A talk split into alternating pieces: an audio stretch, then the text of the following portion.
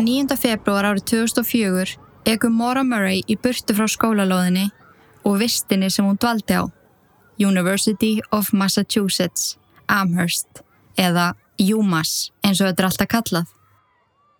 Hún yfirgefur svæði á milli hálf fjögur og hálf fimm. Áður en hún fór hafði hún sendt e-mail á vinnuveitanda sinn og skólastjóra með því innihaldi að hún erði í burtu í rúma viku því að það kom upp döðsfall í fjölskyldunni sem var líi. Það sést til hennar í öryggismyndavélum úr hraðbanka á svæðinu taka út næstum alla peningana sína sem að voru rúmir 280 dólarar. Hún stoppar svo í vínbúð og kaupi þar freka mikið magn af áfengi eða fyrir rúma 40 dollara. Egur svo í rúma þrjá klukkutíma að bænum Lincoln. Þar fyllir hún á tankin og bylnum og keirir svo áfram veg 112 í New Hampshire. Það var létt snjókoma og ísing á vegum, svo maður áætlar að það hefði verið erfiðar að stýra bylnum.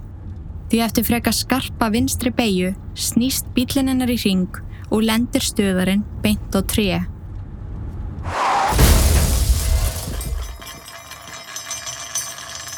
Feið Vestmann sem að býr vinstramegin við göduna hjá Slestað heyrir þegar bílinn klessir og lítur út um glukkan. Hún sér einhvern inn í bílnum í bílstjórasætinu og finnst hún sjá einhvern reykja síkarettu í farþegarsætinu en er samt ekki viss.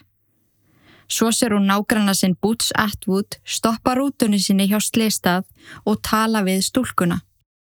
Boots spyr hana hvort það sé allt í lægi og hvort hann eigi að ringja í laurugluna. Mora segir honum að hann þurfi þess ekki og hún sé nú þegar búin að ringja í AAA sem er alliða bílaþjónusta.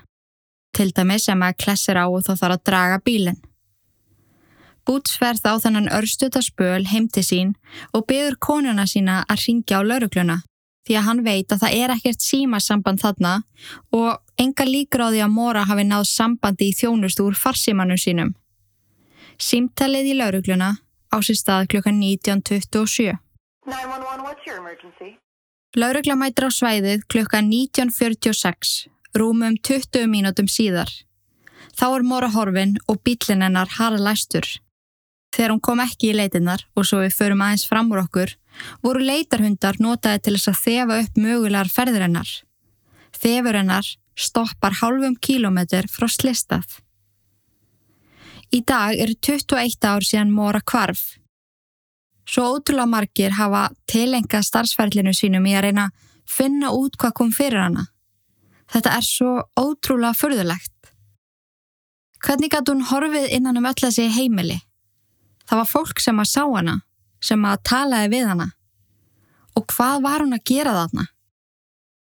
Það var komið upp samsæriskenningar, hinnar ímsu getgátur og hreinlega legasögur um hvað kom í raun og veru fyrir hana. Og í þessum tveggja parta á Moru Murray þátt ætlum að fara yfir þetta allt saman.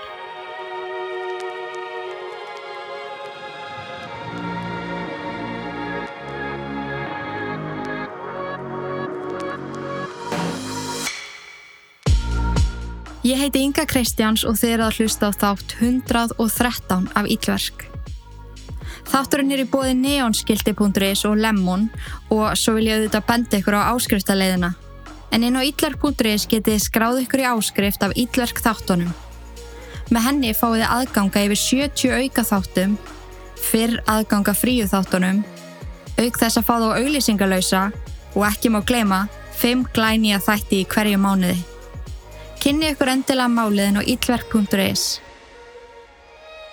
Svo eins og ég gaf út fyrir mánuðinum þá eru breytingar á fríu þáttunum. Ég hef alltaf gefið út fjóra þætti í mánuði, en því að ég vil búið til gæða efni handa ykkur, hef ég ákveðið að gefa frekar út fyrsta og fjórða laugadag hvers mánuðar. Ég hef bara ekki samviskuna í að gefa út snubbót rusl, eins og ég hef svo oft sagt. Þannig að quality over quantity en ef að þið eru að kreyfa getið alltaf skráðu ykkur í áskriftina. Alright, ég held að það þurfi ekki að koma neitt fleira fram í fréttahorninu og ég skal ekkert tefja þetta. Fyrsti hluti að máli Maura Murray. Gjöru þið svo vel.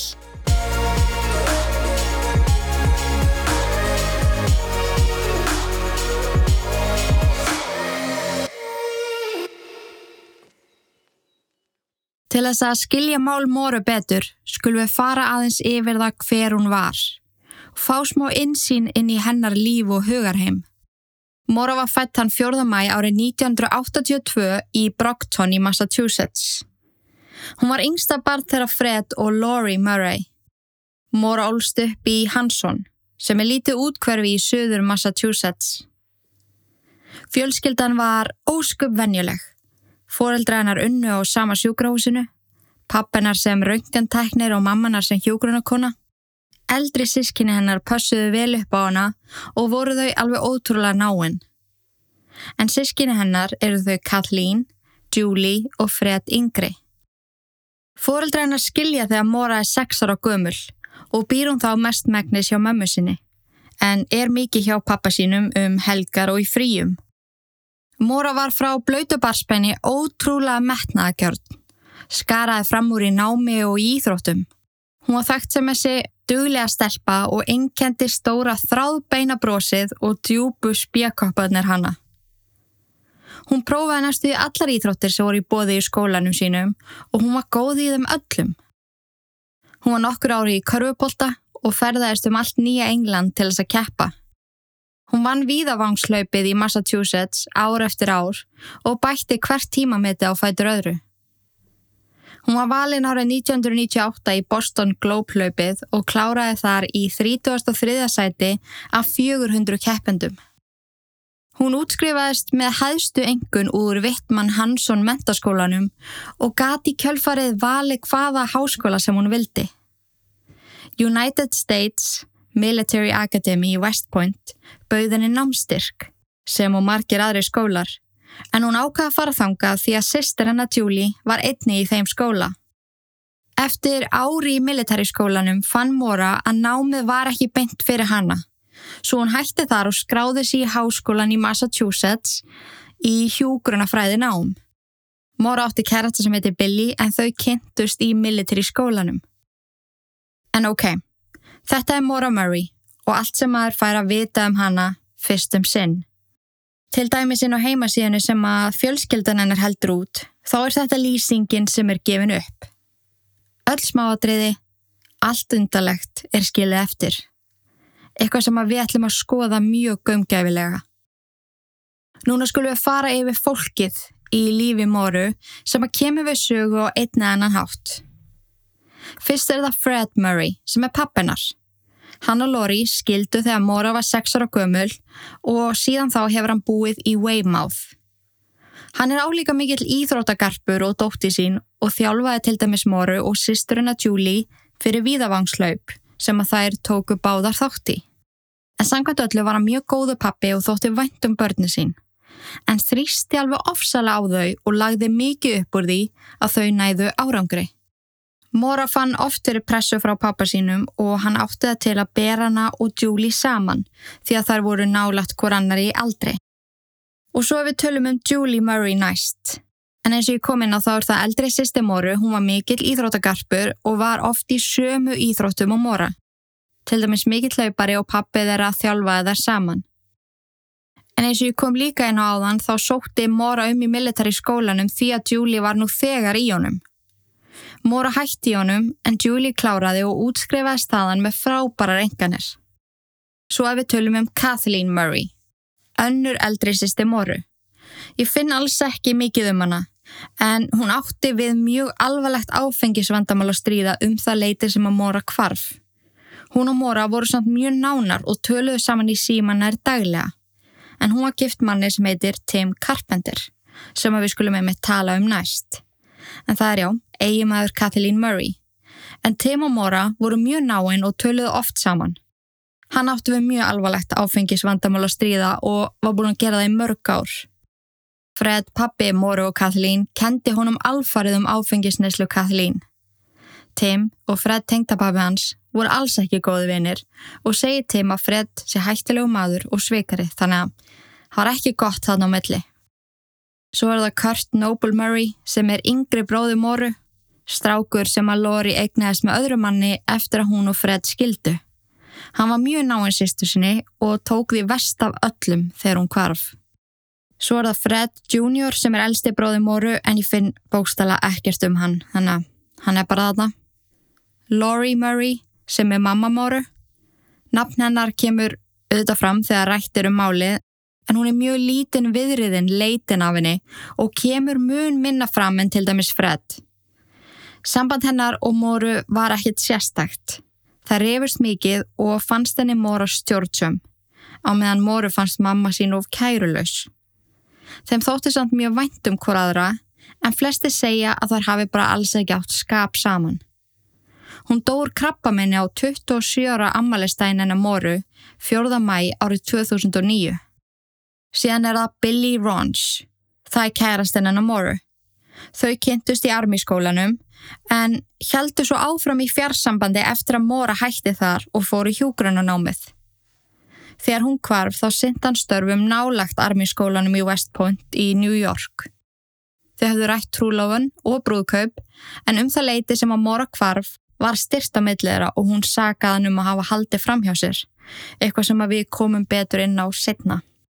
Svo er það Kate Markopoulos, besta vinkona Móru en það er stelpa sem hún kynntist í hjúgrunafræði náminu. Þar voru á sömu vist og saman í mjög mörgum tímum í skólanum. Kate fer með Mori í parti helgina áður en Mora hverfur. Svo er það Sara Alfieri. Hún var vinkona Mori úr vinnunni. Það er unnu saman í móttökunni í listagalleri nálagt Júmas vistinni. Hún held partið sem að Kate og Mora mættu saman í helgina áður en Mora kvarf. Þetta er allt karakterar sem eru mikilvægir í sögum oru, auðvitað mis mikilvægir. Og guðminn góður ekki hafa ágjur að því að þið muni ekki nöfnin eða hvað ég sagði um hvern og einn. En ég mun segja ykkur frá hverjum einum í réttri röð og hvernig sá aðili hafði mögulega áhrif á líf moru.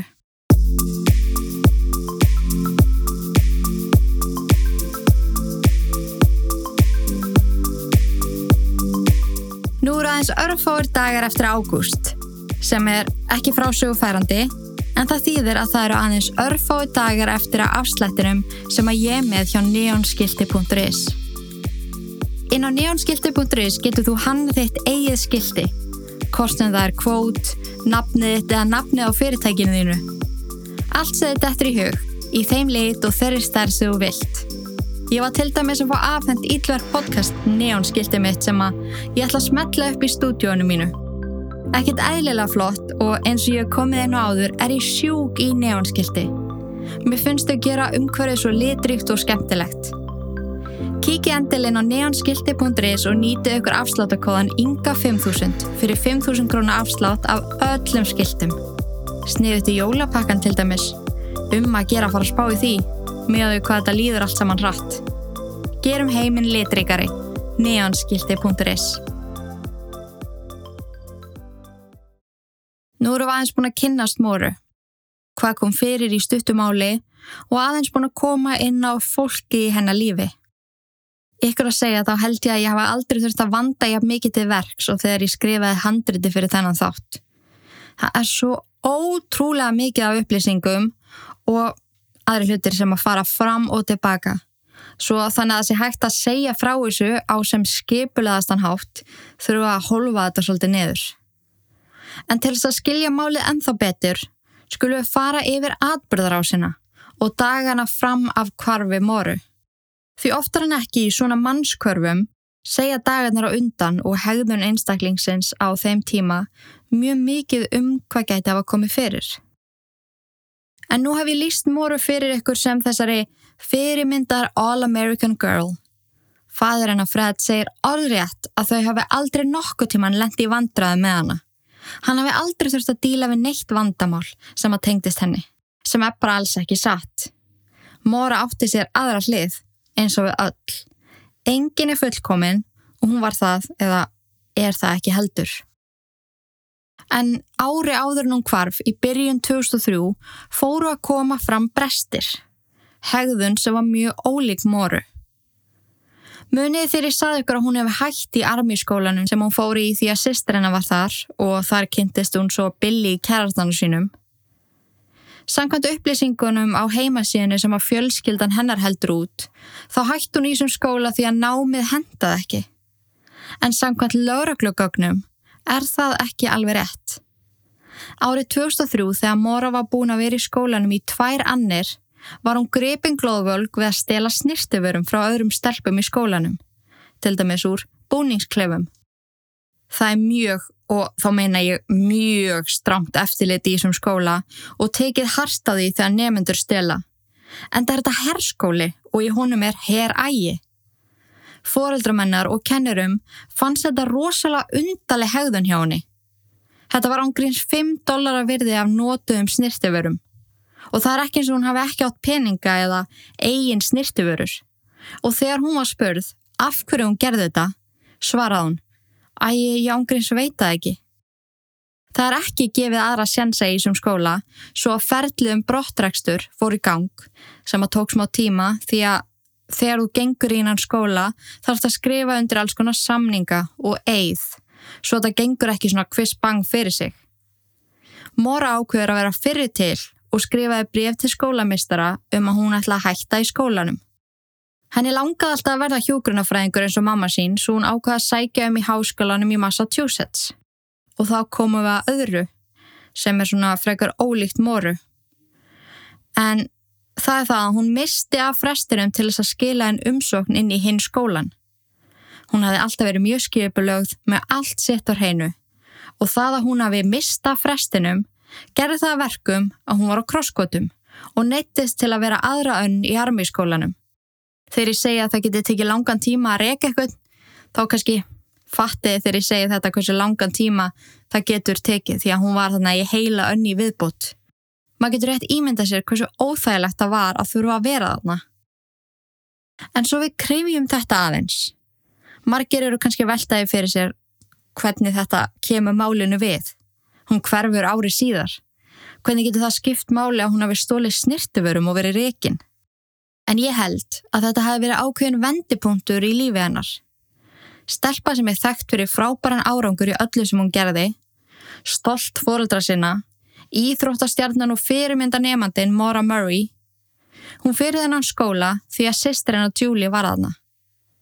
Alla æfi voru þar að keppast. Julie hljóp ákveði langt og Mora toppaði það. Julie fekk ákveðna engun og Mora fekk herri. Pappið þeirra Fred þjálfaði þær saman, bar þær saman og auðvitað vildi Mora standa sig. Þeir geti trúa því að þarna hafi hún upplifað útrúlega mikið þrýsting bæði frá sjálfu sér og fjölskyldun sinni og verið bæði stressuð og kvíðin. En ég lasa eins um hennan skóla og taktíkina sem er nótuð þarna en það er þekkt í kennslu skranni að busar séu brotni niður fyrstu annirnar og svo notuð ákveðin tekni til þess að byggja þau aftur upp. Þá þetta að útskrifa sterka einstaklinga úr armískólanum sem að geta tekist á við alls konar aðstæður og ekki brotnað undan álægi. Það sem kemur einni fram, ekki í námskráni en ég lesi hellingu um þetta, er að eldri nefnendur skólans gera þeim yngri lífi leitt. Þetta er raunin eins og að vera busi alla daga. Þeir sjáum að þjálfa þá, vekja þá, hjálpa kennarunum að halda þessum heraga og það eru mörg dæmi um alveg skjálfilega meðferð eldri nefnanda á þeim yngri. Þar sem fólk grætur inn í herbygginu sínu. En það er ekki bóði því að þú ert í herrskóla. Svona er þetta bara. Hertu þig. Þannig ef við spáum aðeins í því, þá var Julie eldri nefnandi í skólanum. Kanski hefur Móra upplifað þarna í fyrsta skipti að sýstir hennar væri æðri en hún og sama hún gerði gat hún ekki toppað hana því að Julie var eldri og það var hennar hlutverk að halda aga á yngri nefnendum. Billy, kærastinn hennar Móru sem hún kynntist í skólanum var líka eldri nefnandi. Hann og Julie voru mjög góði vinnir og kannski hefur Móru fundist hún út undan. Þau hafðu kannski ykkur tengst sem að henni fannst hún ekki partur af því að hún var yngri. Því að ef við lítum á hann snirsti veru stöldur, þá er þetta svo innilega úr karakter fyrir moru. Hún hafði aldrei nokkuð tíman stóli áður, ekki einu sinni tiggjapakka. En það hafi verið gerðar rannsóknir sem að sína fram á það að handahóskend þörf fyrir að stela geti stafað á öfund, lágu sjálfsmati eða þörf á sjálfseflingu. Það getur stafað á félagslegum erfileikum eins og til dæmis að líða eins og maður sé útundan eða útilokaður. Fólk gerir þetta líka til þess að sína fram á sjálfstæði og uppreist gegn fjölskyldu og vinum.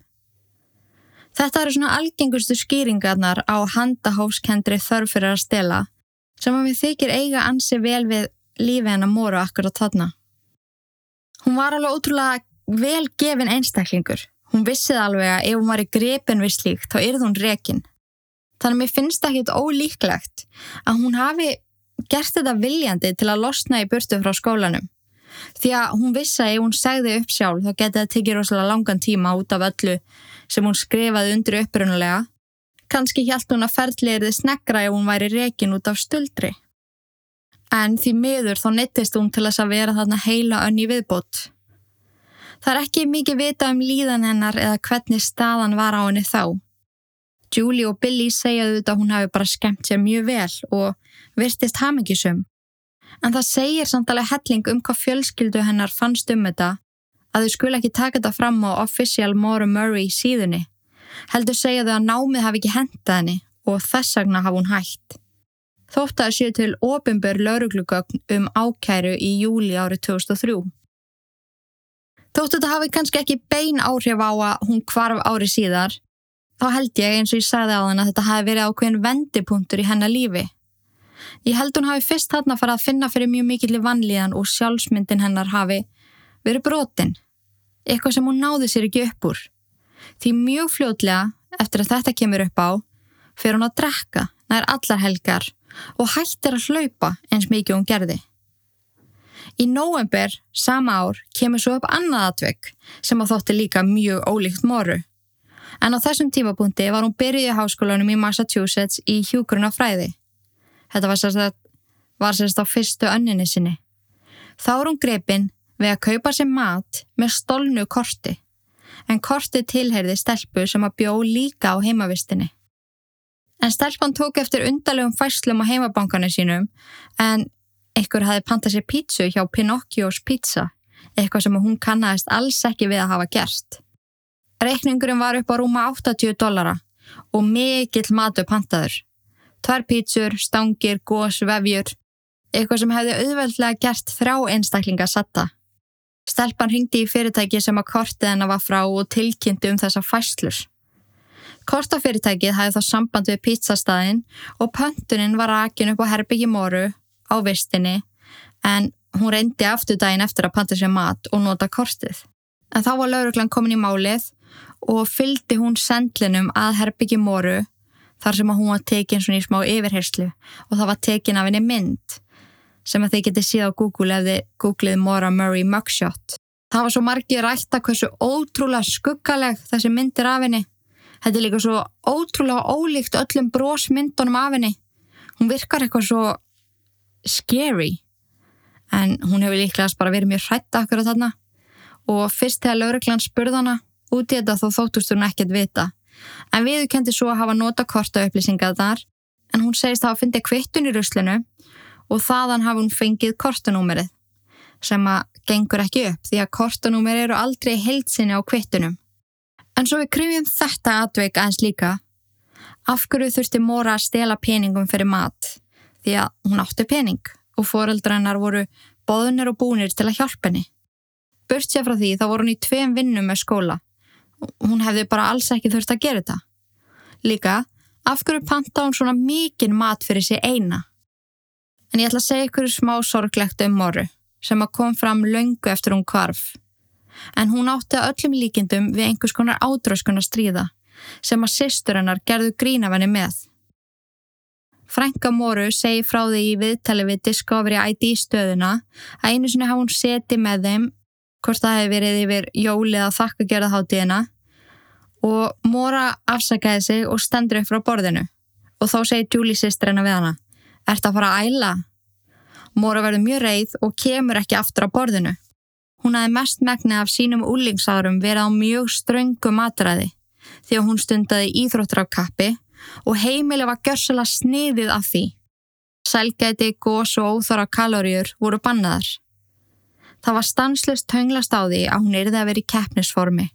Ákveðni þyngd svo hún geti hlaupi lengra. Hlaupi hraðar. Það er ekki til neinn staðfest gögnum að hún hafi verið með ádröskun en það hljómar alveg smá þannig.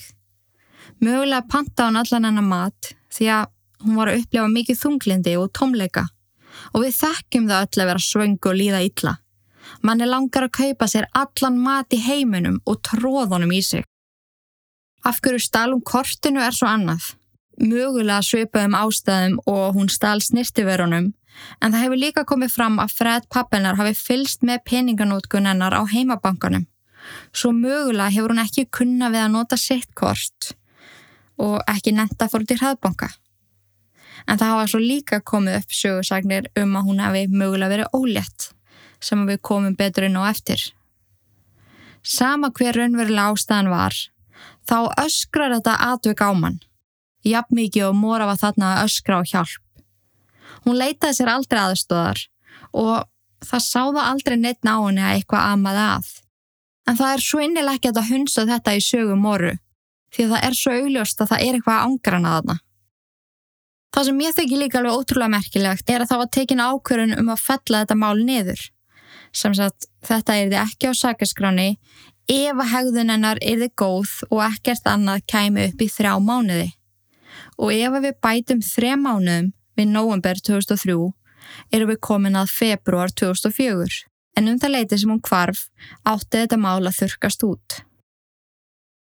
Ég hef ekkert meira að segja um árið 2003 en það lítið sem ekkert til um það og fjölskylda hennar hefur alltaf verið frekar lokuð þegar að kemur að þessu máli.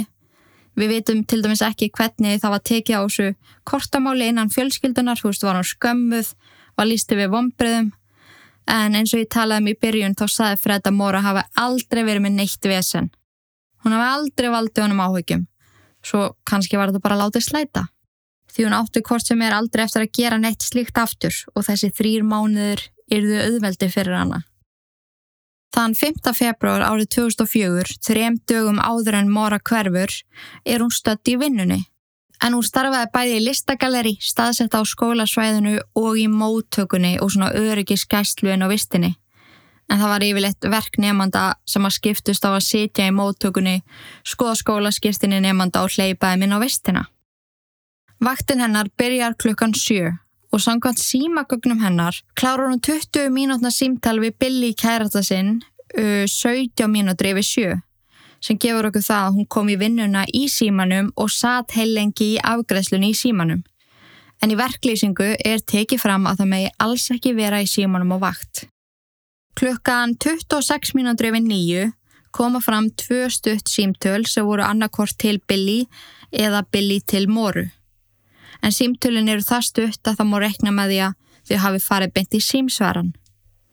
Öryggismyndavilar sína að Móra satana og símin var á borðinu fyrir framannana, svo líklegast hefur hún hunsað þessi símtöl. Sem að segja okkur að mögulega voru þau að rýfast eða hún vildi ekki vera í símanum á vaktinni sinni.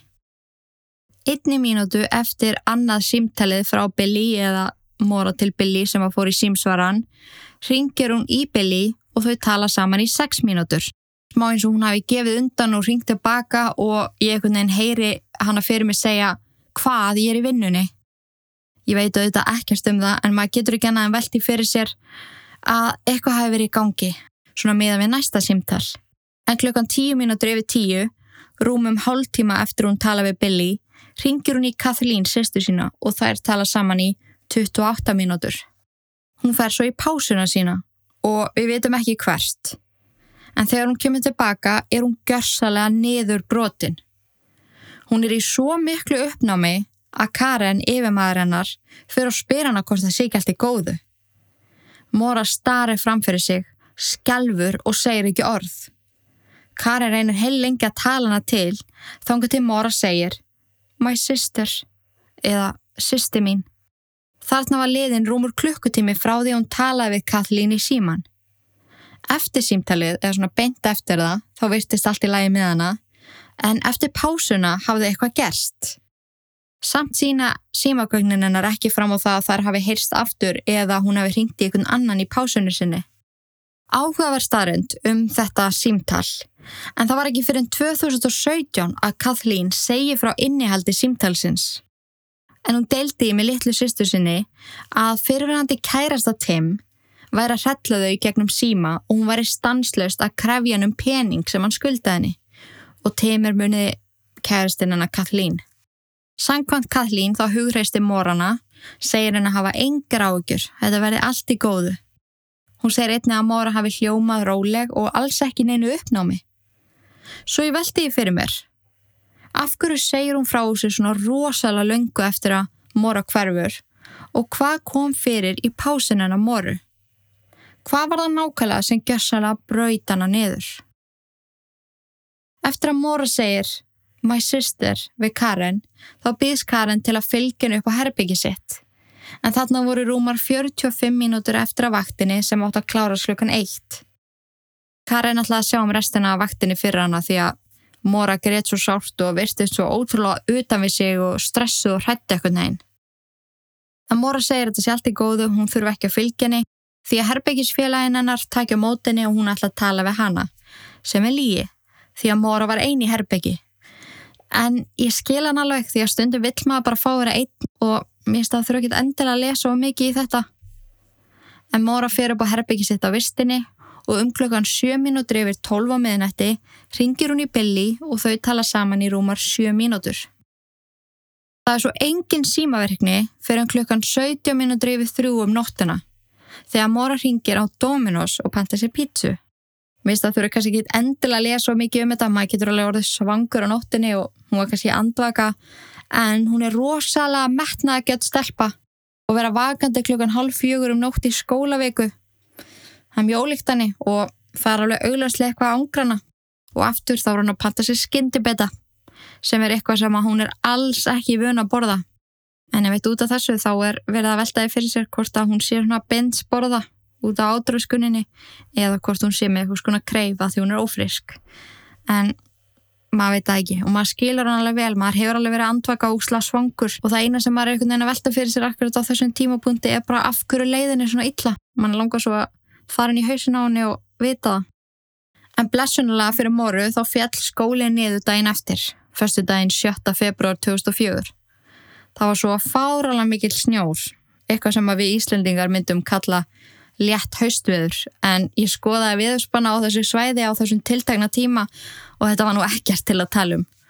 En allir bandaríkjaman sé ekki aðeins óvanari snjóan við. En hún fær allavega frí einan dag sem að hefur öruglega verið kærkomið eftir andvögunótt og samkvæmt símagögnum hennar er engin virkni fyrir klukkan 13 mínútur yfir 6 um kvöldið. Þannig að allir hún hafi ekki bara sofið mest megnið að deginum En þetta símtæl á sér stað 13 mínútur yfir 6 frá óþægtu númeri og stendur yfir í 17 mínútur. Ég er ansið forvitin að vita hver ringdi og hver talaði við hana svona lengi. Klukkaðan 2 mínútur yfir 10 þá ringi Móra í Fort Sill í Oklahoma þar sem að Billy var að vinna og talaði við hann í 10 mínútur. Hún verðist ekki að ringdi í gemsanans, heldur ringdi í stöðuna sjálfa og beði um að fá að tala við hann kannski var hann ekki með síman á sér, hann var dauður eða hann var að hunsana ef maður svona gefið sér það að mögulega hafið þau verið að rýfast kvöldi áður. Það var svo engin símaverkni restin af deginum og ekki fyrir um klukkan 12 hátegi daginn eftir, 7. februar, þegar Fred pappinar ringir í hana. Símtali var aðeins nokkra sekundur og ætlan hafi ekki bara verið að láta hann að vita að hann sé að lenda á sveiðinu. Því að þennan dag heimsótti hann hana á vistuna og ætlaði með hana á bílasölu rúnt. Planið var að kaupa handinni nýjan bíl því að bílinn hennar, 1996 Saturn Sudan, var farin að láta illa og sangkvæmt Fred var Móra reglulega í vesenni með bílinn. Áhugaverðar upplýsingar og ég er mögulega aðeins að fara fram úr mér með að segja ykkur þetta en á leið Fred frá heimilið sínu að heimavist Móru Þá stoppaði hann í tíu mismunandi hraðböngum og tók út í heildina 4.000 dollara. Þetta þarf ekki að vera merkilegt því að við vitum öll að það er bara hægt að taka út ákvæmna upphæð í hraðböngum og bankin var náttúrulega lokar að þau var lögadagur. En þetta er kannski aðalega einkennilegt því að þau keiftu ekki neitt bíl hennan dag. Það könnuðust enga bílasölur við að hafa séð þau eða heyrtið þeim og á þessum tímapunkti átti Fred mjög erfitt fjárhagslega. Ef hann myndi ekki greiða inn á húsnæðis láni sitt innan ákveðins tímarama fari heimilega svo uppbóð. Annað sem að gera þetta enginnilegt er að enginn kannæðistu að bílinn hennar moru hafi verið með vesen. Ekki sýstur hennar, ekki vinkonur hennar.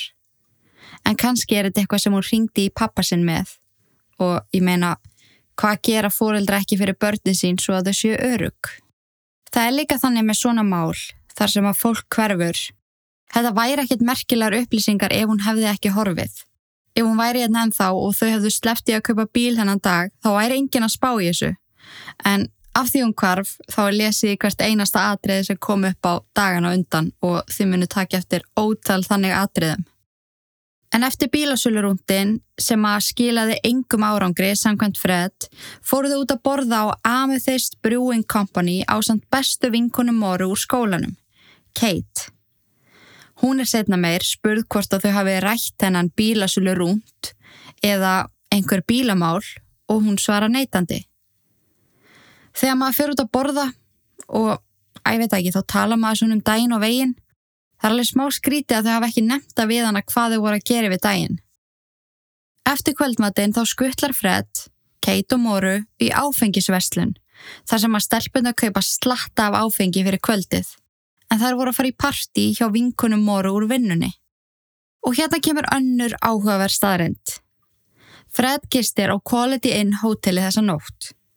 Hann vissi það að Móra væri að fara að drekka þetta kvöld og í staðin fyrir að skuttla stelpunum á vistina þar sem að partíi fór fram, ekki sama vist og Móra og Kate döldu á samt, þá skuttlaði Móra honum á hótelið og fór sjálfa bílnum, sem er svona smá skrítið. Partíi sem að Móra og Kate voru að fara í var sérst á annari heimavist, þar sem að vinkona Móra úr vinnunni, Sara Alfieri, dvaldi.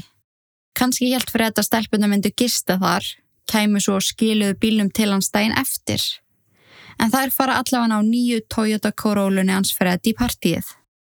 Annað sem af mér þykir svona ansi áhugavert er að þegar að Sara og Kate eru spurðar út í þetta partí setna meir, segjast þær ekki muna neitt eftir því, nýja hver hafi verið þar. Að maður spóri í partíin og vistarherbyggi. Hvað komast margi fyrir? Þú veist, kannski 10-15 manns. Ná freka þjætt setið. Það er alveg smá skrítið að er muni ekki hverjir voruð aðna. Maður skilur það kannski betur með Kate því að hún þekkti Söru ekki að vel og mora, en Sara þekkti alla í partíinu. Þetta voru krakkar að vistinni hennar. En maður veit ekki. Margir halda þó að eitthvað hafi komið fram eða eitthvað hafi gæst í þessu partíi sem að fólk vildi ekki að myndi frettast. Um klukkan hálf þrjú um nóttina fara Kate og Mora úr partíinu. Við vitum ekki hvort það er hafi rúntað eða hvort að Móra hafi skuttlað keit eitthvert.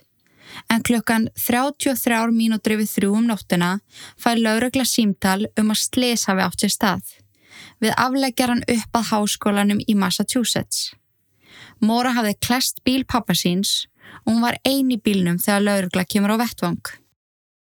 Það er kallaður út bíl til að draga bílinn og í staðin fyrir að draga bílinn inn á bílaplani hjá skólanum þá byðum Móra um að hann sitt dregin að bílastæðinu hjá Holiday Inn þar sem að pappina var.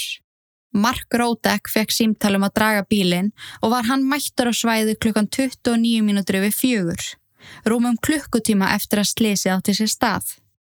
En þessi Mark dregur bílinn að Quality Inn og skuttlar Móru þanga líka, sem að mér þykir mjög einkennilegt.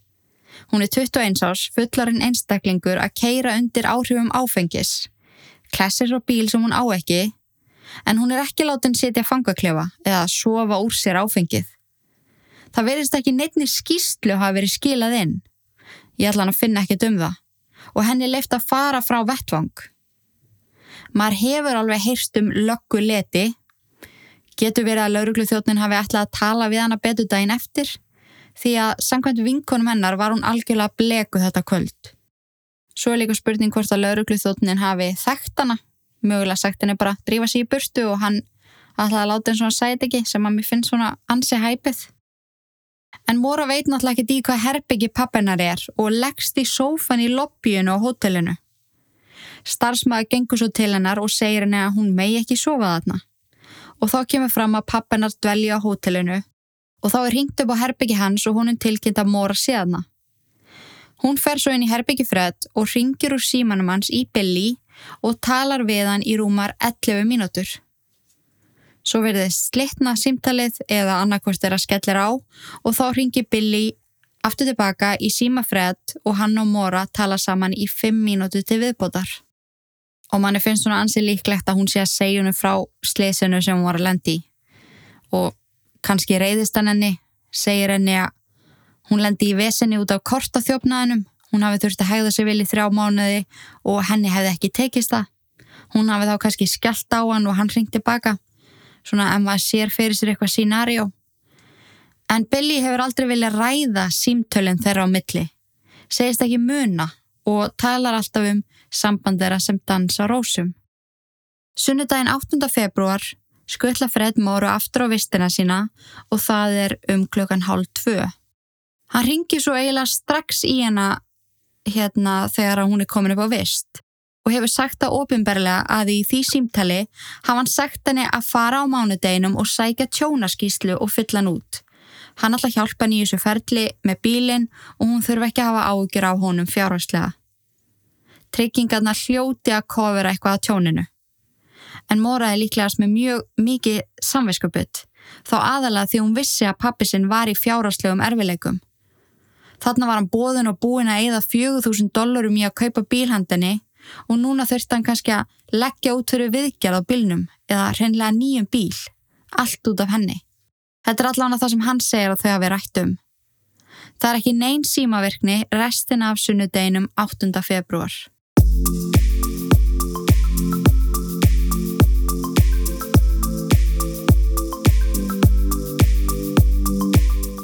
Vissið þú að það er fleira í bóði á lemon heldur en samlokur og djúsar? Nei, ég bara spyr. Þú getur til dæmis valið um 12, ekkert eðlilega gerðnileg salut. Þú getur líka fengið sérstakar keto samlokur. 11 mismunandi, hver annari kynþokkafellri. Kynntuðu máliðin á lemon.is eða skelltu þér á uppbóls lemon staði minn á Suðlandsbraut. Mundu bara þetta grímunni. Lemon. Núna eru við komin að deginum örlaðaríka, mánudeginum 9. februar árið 2004. Móra var greinlega ekki mikið að vafra á netinu og notaði tölvuna sem var einu herbygginennar bara fyrir námið.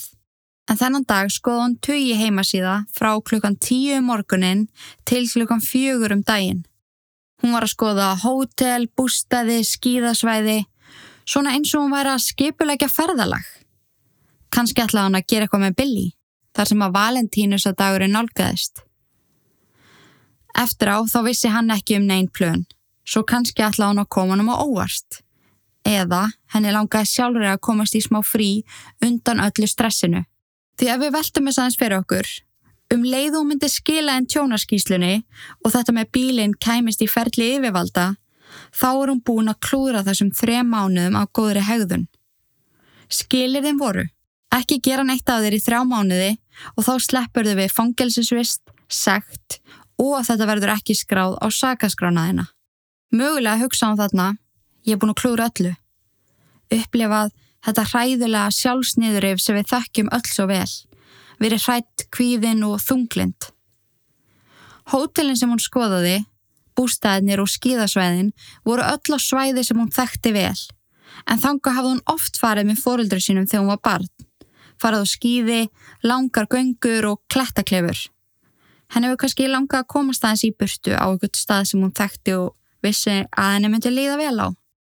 Hún ringir einni í konu sem heitir Linda Solomon sem á íbúð í Conway, New Hampshire og spyr hvort að hún eigi eitthvað laust. En það er ekkert laust því að svo stuttu fyrirvari.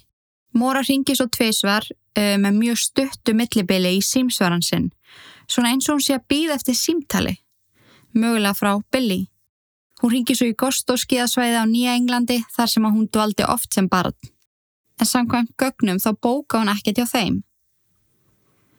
Hún ringi svo í Billy og símtalið fyrir beint í voicemail. Og ástæðan fyrir því að það fór í voicemail var því Billy var akkurat á þeim tímapunkti að tala við Kate, vinkonu Móru.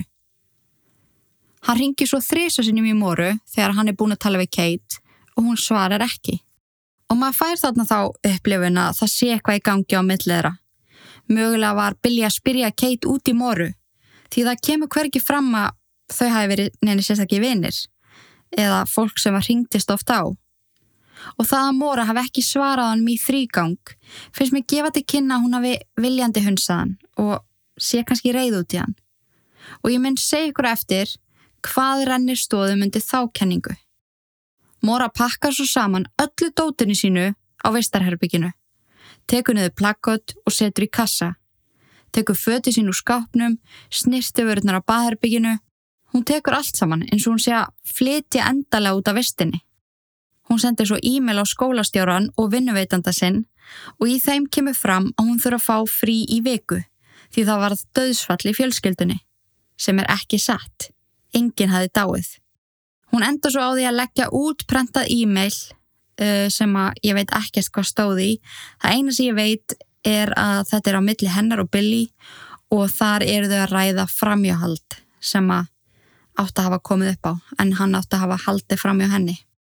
Þannig að með því að leggja þetta þarna ofan á kassana, lappast út úr herbygginu, þá finnst manni hún verið að gefa eitthvað skilabóð. Klukkan halv fjögur keir hún í burtu frá skólanum á bílum sínum og stoppar í hraðbanka klukkan 20 mínútur í fjögur. Það sést til hennar í öryggismyndavilum taka út allan peningi sinn og hún skilir eitthvað um 15 dólar eftir en stingur 280 dólarum í vasan. Næst fer hún í vínbúð og vestla sér áfengi fyrir 40 dólara kippa af bjór, kalúaflösku, rauðvín, allt eitthvað sem var í miklu uppáldi hjá henni sangvan þeim sem á þekkt hana. Klukkan 12 mínutur í 5 er síðasta skráða virknin í símanum hennar, en þá ringir hún í símsverðin sinn á Vistarherbygginu. Hún keiri svo í rúma þrjá klukkutíma að bænum Lincoln.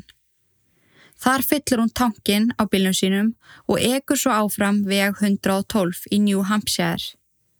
Það var létt snjókoma og ísing á vegum svo þegar hún fyrir að nálgast þrönga sveitavegi þá áallar maður að það hefði verið erfiðar að stýra bylnum. Því eftir freka skarpa vinstri beigju snýst bílinnar í ring og lendir stöðarinn beint á tré. Feið Vestmann sem býr vinstra megin við göttuna frostlistað heyrir þegar bílinn klassir og lítur út um glukkan. Hún sér einhvern veginn í bílnum í bílstörasætunu og finnst hún sjá einhvern reykja síkarettu í farþegarsætunu en er samt ekki viss. Hún sé svo nágranna sinn, Boots Atwood, stoppa á rútunni sinni hjá slistað og tala við Móru. Hann spyr hana hvort það sé ekki alltaf lægi og hvort hann ekki ringja í laurugluna. Móra segir honum að hann þurfi þess alls ekki og hún sé búin að ringja á AAA eða AAA sem er alliða bílaþjónusta, til dæmis ef maður klessir á og það þarf að draga bílinn.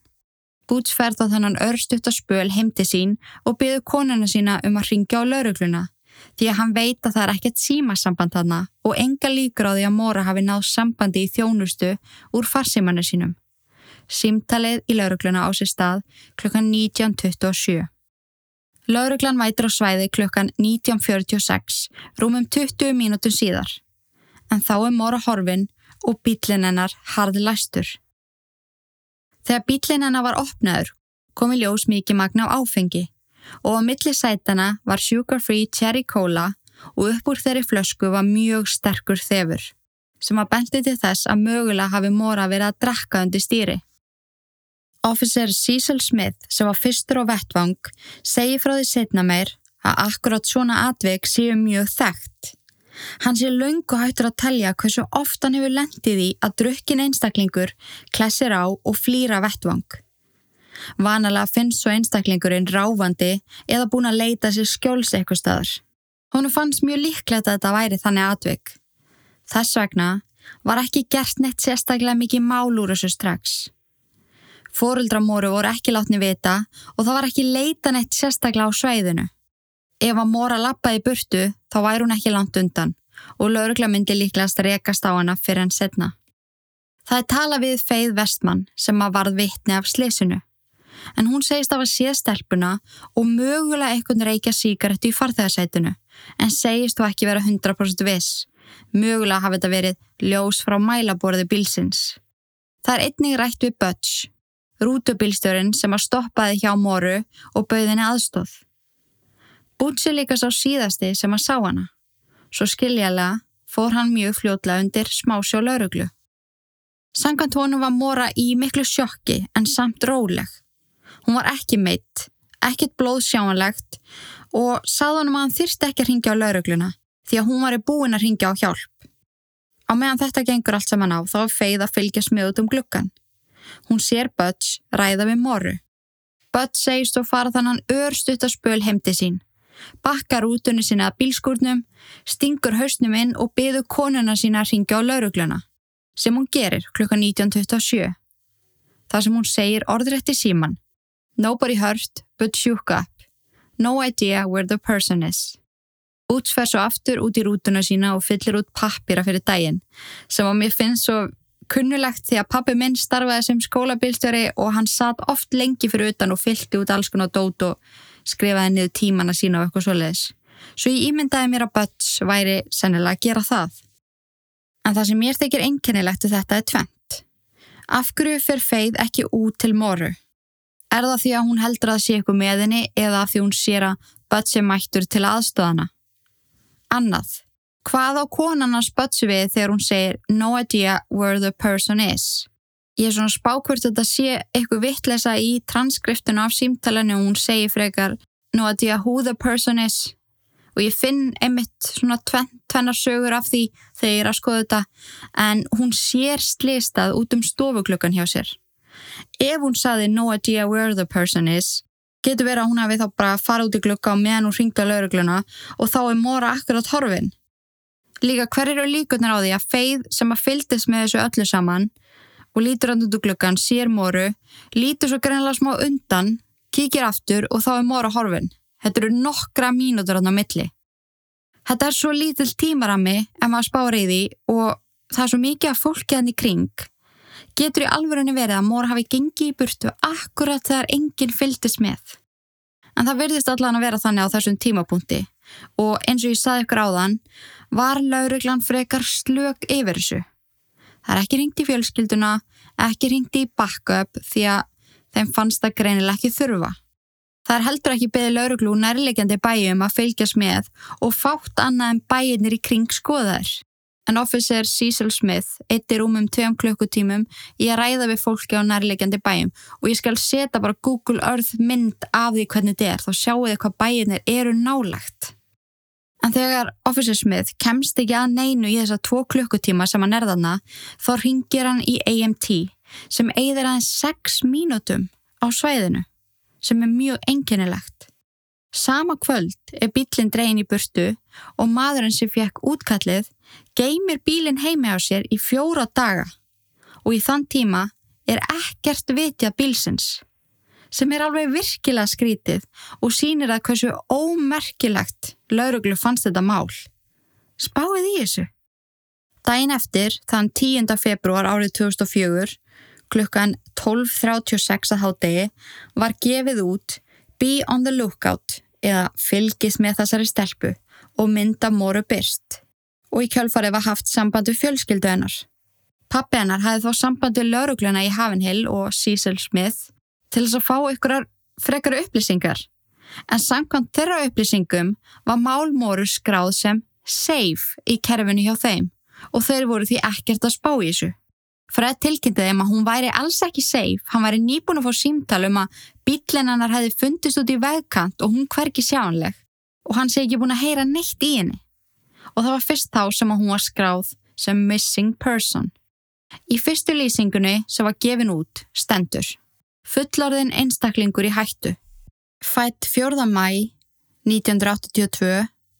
Kinn, kona. Hæð 170 cm þyngd 54 kíló, augu, brún, hár, ljósbrúnt, kynþáttur hvít, sást mögulega síðast í svörtum jakka og gallaböksum með bakpoka. Ástæða fyrir kvarfi, óvitað. Móra sást síðast í kringum klukkan 7 þann 9. februar síðastlegin á veg 112 í Haven Hill. Hún lendi bílslisi stuttu fyrir kvarfið. Þegar laurugla mætt á svæðið var bílinn læstur og móra hverki sjáanleg. Svo komu upplýsingar um hvar má hafa samband ef að ykkur sá hana. En spáði þessi í tilfinningunni. Auðvitað aðalega hjá fjölskyldunni en líka hjá lauruglunni sem að tóku þessu fyrstnum sinn ekki alvarlega. Ef það hefði verið brugðist almennilega við þá hefði hún kannski fundið strax en það er auðvitað erfitt að segja þetta eftir á og eins og ég sagði á þann þá var mjög þekkt og eru rúglega mjög þekkt að fólk flýi vettvang eftir að hafa kert drukkið. En samt, þið fattu mig. En líka svo komum maður inn á bílinn hennar sem var í geimslu í bílskur mannsinn sem að dróan í fjóra daga. Með því að gera þetta svona þá getur mjög dýrmætt sönnunagögn hafa eigðilagst en eins og ég segi fjórun dögum síðar var hann svo rannsakaður. En bílinn sagði mikla sögu. Inn í honum fundustu þetta personulegar eigu frá moru, en í mun meira magni en manneska geimi vanela í bílnum sínum. Það var mikið magna fötum, snirstifurum, farðarhinsir, fjóru brúsar af sjampúi, tveir tampustar, íþrótaskór, bodyspray, rollon, Victoria's Secret bodyspray, farangur sem bendi til þessa einstaklingurinn sem óg bílnum væri mögulega að fara í ferðalag. Í farþegarsætinu var Snickers. Á millisætana í glasahaldaranum var ofin krukka með súrum gúrkum. Sigurlaust terrikóla og ofan í því var selgetisrör. Móra hafði greinilega verið að mönsa þetta og búin að hella áfengi ofan í terrikóla flöskuna. Í gólfinu aftur í var áfengið sem hún kefti í vínbúðinni. Svo voru það bygglunar á bílnum. Báðir öryggispúðarnir voru sprungnir og á rúðinni bílstjóramein var sprunga líkt og höfuð hefði skotli í rúðina. En munið að Butch tók það fram að hann hafi ekki sér neina áverka á moru. Ekkert blóð. Ef þú skallar höfuðið í rúðu þá mun það sjást á þér. En hann sá ekkert. Beiklunar á hútunu þóttu líka mjög undarlegar. Svona miða við það að mora klesti á tré. Sprungan í rúðunni virti svo eftir frekari skoðun hafa komið utanfrá sem að make a sense eða ég veit að ekki en allan á púðin sem að sprakk báður öryggispúðinni sprungu og ætti það ekki að hafa varið moru frá því að skella í rúðina en framljósið brotnaði ekki en það var þessi litla dældi vinstra megin á framstuðara bílsins og húttið beiklað alveg þvert yfir. En það enkennilegasta við bílinn var tuska sem var búið að tróða inn í púströrið Það var þá sem að sögusagnir um mögulegt sjálfsvík fóru af stað. Það er þekkt að fólk tróði tusku inn í púströrið í kringum slöngus eða leiði svo innum glukkan í bylnum til að þjætta pústið. En Fred var mjög fljótur að blása það af. Hann sagðist að mælt með því við moru oft og mörgu sinum að setja tusku í rörið þegar bílinn let ítlaða fór ekki í gang. Það var mjög margi rannsaka þetta ráð fór Fred og enginn kannast við að þetta sé gaglegt ráð. Þar sem að það eru mun meiri líkur á því að bílinn drepi á sér ef að tuskan er í pústurörunu. Ég fann allavega ekkit um að þetta væri gott skítamix. En ef að þið þekkið þetta ráð, hafi ég vel notað þetta að hirtum þetta þá með ég endilega láta mig vita. Tuskan og púströrið var fjarlægt úr bílnum og það hefur aldrei verið gefið út hvað kom úr þeirri rannsókn og engar myndir af þessu byrtar. Þótt að við komið upp ótrúlega margar sögursagnir í þá óttina að Móra hafi látið sér hverfa, þá er svo margt sem bendi til þess að hún ætlaði alltaf að koma aftur. Hún tók með sér heiman á mig sitt, sagðist alltaf að taka viku frí, skoðaði staðið til að dvelja og kifti áfengi, fylgti tankin á bílnum Hún ætlaði kannski ekki að stoppa þarna, hún ætlaði öruglega að aga lengra en ég held hún hafi alltaf ætlaði að koma tilbaka. En hvert í fjandanum fór hún? Hvað var það af henni?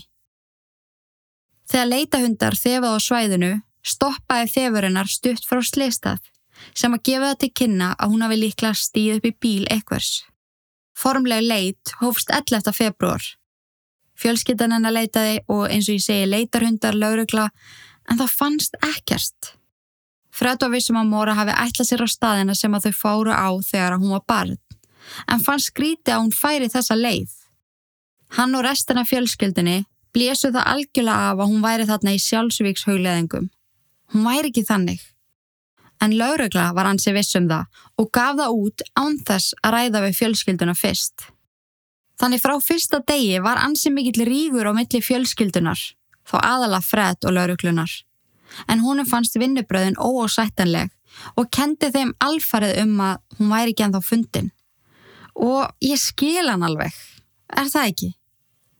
Kanski er eitthvað lauruglu fólk að hlusta. Hvað segir þið? Kvöldið 11. februar fekk Billy skilabói símsvara sinn. Í skilabóðunum átti heyra, sangat honum, hvern manns andadrátt og ekka. Það var sóið upp í nefið og svo skellt á. Símanúmerið var úr óreikjanlegu símkorti, en Billy var handvis um að þetta hefði verið mora. Ég er búin að leita út um allt, bókstala allt, hvort að sé að heyra þessa upptöku. Ég var næst ég búin að fara inn á dark web til að reyna að finna þetta eða hvort það sé að það fá eitthvað svona transkrift af því sem að fór fram í þessu símtali en svo verðist ekki vera. Svo þetta eru kannski ekki haldbær sönnunagögn en það mátti þó sjá í símagögnum að símtal sem fór í símsvaran frá óþektu númeri. Sama dag eða þann 11. februar komu Billy og Fred fram á bladamannafundi í Bethlehem í New Hampshire. Þessi bladamannafundur var gerður ofinberð dæn eftir klukkan 5 minútri við þrjú Í kjölfarið gefur laurugla út að mögulega liggi leið moru að Kamkamugus þjóðveginum.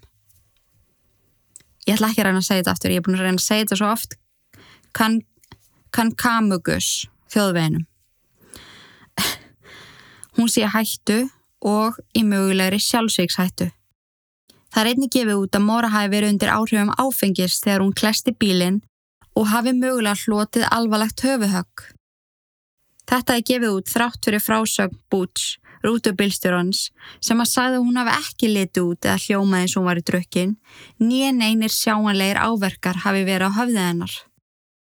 Yfir lauruglu þjóttnin í Havenhill segir orðrétt. Okkar aðal áheggjuefni er að hún sé miklu uppnámi eða í sjálfsvíks hættu. Sem að segja okkur það á þessum tímapunkti, tveim dögum eftir kvarvennar, telja þeir hana levandi. Og svo ég kom inn á það. Finnst ykkur ekki áhugavert að Fred og Billy séu þeir einu sem að koma fram? Af hverju er mammin er ekki aðnað eða sískinni? Á þessum tímapunkti eru þau hvergi sjáanleg og Fred algjör forsprakki og Billy á eftir honum.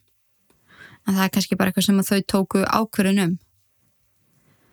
Fred krafði laurugluna í Havenhill að þykja aðstóð FBI sem hafði þarna bóði fram aðstóð sína en þeir afþökkuðu og hafi þennan punkt bak við eirað að þeir hafi afþakkað aðstóð þegar ég mun koma inn á ákveðna kenningu setna. Þegar vika hafði liði frá kvarfi moru komu Billy og Fred fram í viðtali hjá CNN American Morning. Þar sögður frá leitsinni á Vermont svæðinu og deildu vonbröðu sínu með vinnubröðu lauruglu. Fred saði frá því að þegar hann hafði upprannlega haft samband við Havenhill laurugluna dægin eftir að Móra kvarf hafði þeir ekki vita hversu alvarlegt þetta var. Í þeirra skrá var hún safe sem að húnu fannst ótrúlega gruggugt. Hann talaði líka um hversu óunnaður hann var að aðstof frá FBI hafi verið hafnað.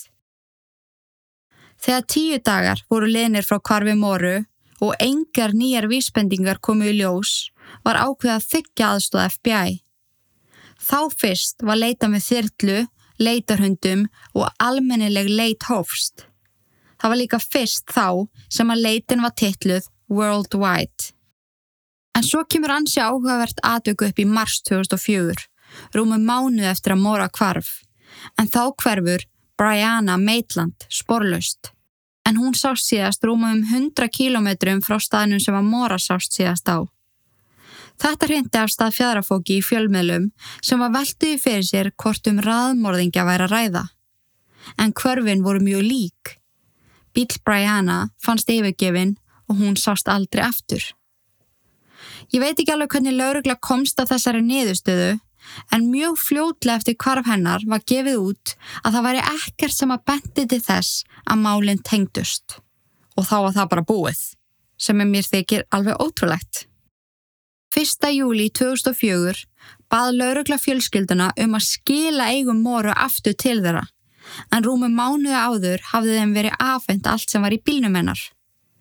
Ég skil persónuleg ekki alveg tilgangin í að fáta tilbaka þar sem að allt og margar hendur voru nú þegar búin að koma við hlutina og öll réttamennagögnin ónýtt, en fjölskylda afhendi hlutina sem voru gömgefilega rannsakaðir með engum sérstökum niðurstöðum. Í nóvember árið 2004, eftir langa leit og alls konar kenningar sem að ég mun fara yfir með ykkur, kom upp annað atvik sem að hristi all verulega upp í málinu.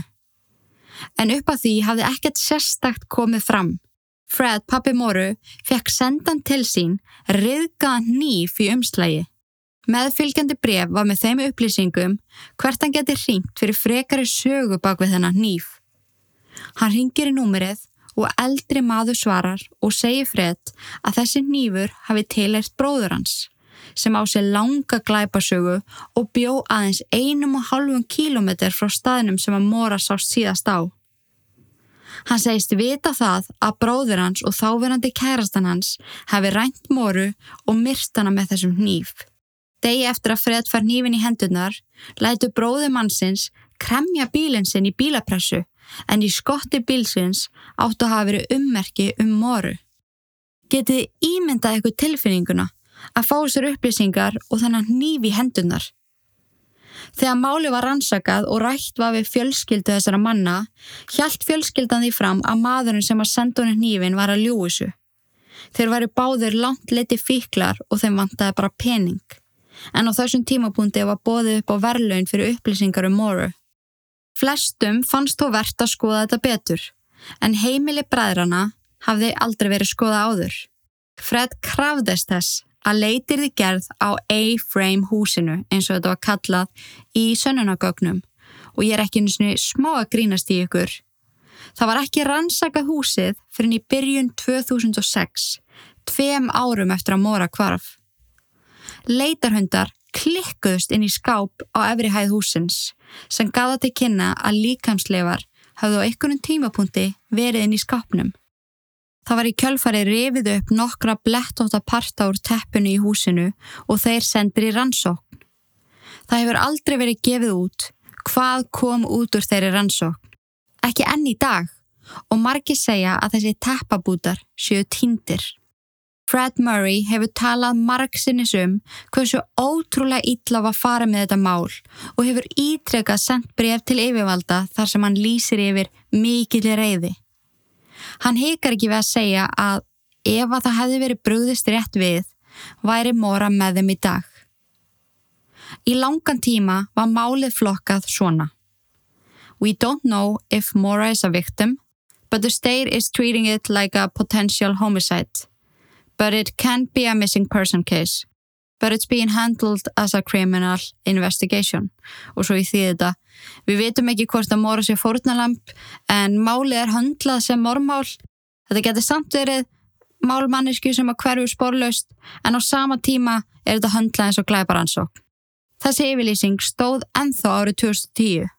Þannig eins og þið sjáu, þetta er allt í belg og byðu, mjög fyrðulegt á allan hátt. Verklag lauruglunar ítti undir hinnar ímsu kenningar. Mögulega var þetta eitthvað skonar cover-up. Lauruglan sendi viljandi frá sér misvísandi hluti því að þeir vissu að þeir hefðu klúrað þessu. Eða mögulega vissi ykkur af þeirra mönnum meira að málið en gefið var í skinn.